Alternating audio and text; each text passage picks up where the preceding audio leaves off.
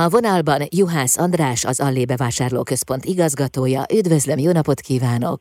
Jó napot kívánok! Decemberben volt egy jótékonysági kampányuk. Hogy sikerült? Egyáltalán mi volt a cél, és mi módon zajlott?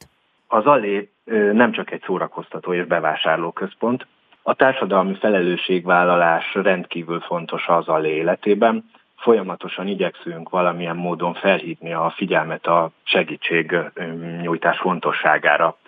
Hatalmas öröm és siker volt számunkra, hogy az adventi időszakban ismét a látogatóinkkal közösen valósíthatunk meg egy évvégi jótékonysági kampányunkat. Ezer darab külön a kampányra összeállított Darlington válogatás került értékesítése, és a befolyt összeggel a Mosoly Alapítvány munkáját támogattuk. És mennyi ez a befolyt összeg, lehet-e tudni? Ké, összesen két millió forint. Mm. A Mosoly Alapítványal hogyan vették fel a kapcsolatot? Biztos nem volt könnyű döntés, hogy kit támogassanak. Egy kis előzményt engedjen meg, mert korábban is voltak már hasonló kezdeményezéseink. Például 2022. decemberében a Nem adom fel alapítvány ez több mint egy szaloncukor elnevezésű kampányjal hívtuk fel a figyelmet az adventi időszakban a fogyatékkal élők nehézségeire és lehetőségeire. Az állé idén, pontosabban tavaly, nehéz még megszokni, hát bizony. Ezer, ezer, ezer teásdoboz értékesítését tűzte ki célul, és ez a mennyiség még december 24-e előtt megvásárlásra került, és ahogy már említettem, mindösszesen két millió forint támogatást gyűlt össze. A teljes befolyt összeget a Mosoly Alapítvány számára ajánlottuk föl. Az alapítvány hosszantartó betegséggel küzdő gyermekek gyulását támogatja, mese és művészetterápiás foglalkozásokkal, hogy a gyerekek képesek legyenek feldolgozni a betegséggel járó traumát, és hogy felkészültebben vágjanak neki a, a, a kórházi kezeléseknek mindenképpen olyan szervezetet szeretünk volna választani, akiknek fontos a támogatásunk, és akiknek a, a munkájával jól tudnak azonosulni a látogatóink is, és szorosan beleillik az állé által képviselt értékek közé.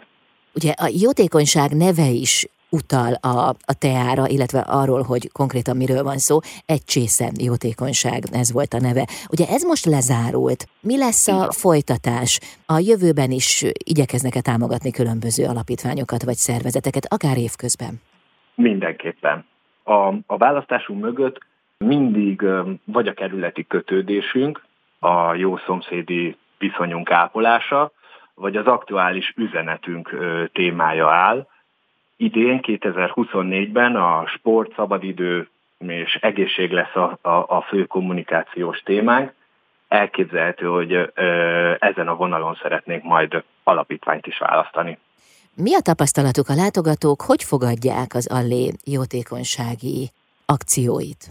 Mi azt tapasztaljuk, hogy, hogy nagyon szerencsés helyzetben vagyunk, mert a, a, az Allé bevásárlóközpont látogatói rendkívül érzékenyek, és, és hasonlóan, hasonló értékeket képviselnek, mint mi azt eltervezzük, és így a, a, a vendégeink, látogatóink, vásárlóink társadalmi felelősségvállalása is jól érzékelhető nálunk, és, és, és könnyen tudunk ilyen akciókra, jótékonysági felhívásokra kapcsolódni velük. Akkor vélhetőleg a jövőben is sikeresek lesznek majd ezen a téren is. Gratulálok az eddigiekhez! Köszönjük szépen, és reméljük, hogy igen, ahogy említi, sikeresek leszünk, és hogyha megengedi, akkor szeretném megragadni az alkalmat, és megköszönni mindazoknak, akik a gyerekek mellé álltak ebben a jó ügyben, a díszdobozos teaválogatás megvásárlásával támogatták a törekvéseink, és ezzel a Mosoly Alapítvány rendkívül elismerésre méltó munkáját.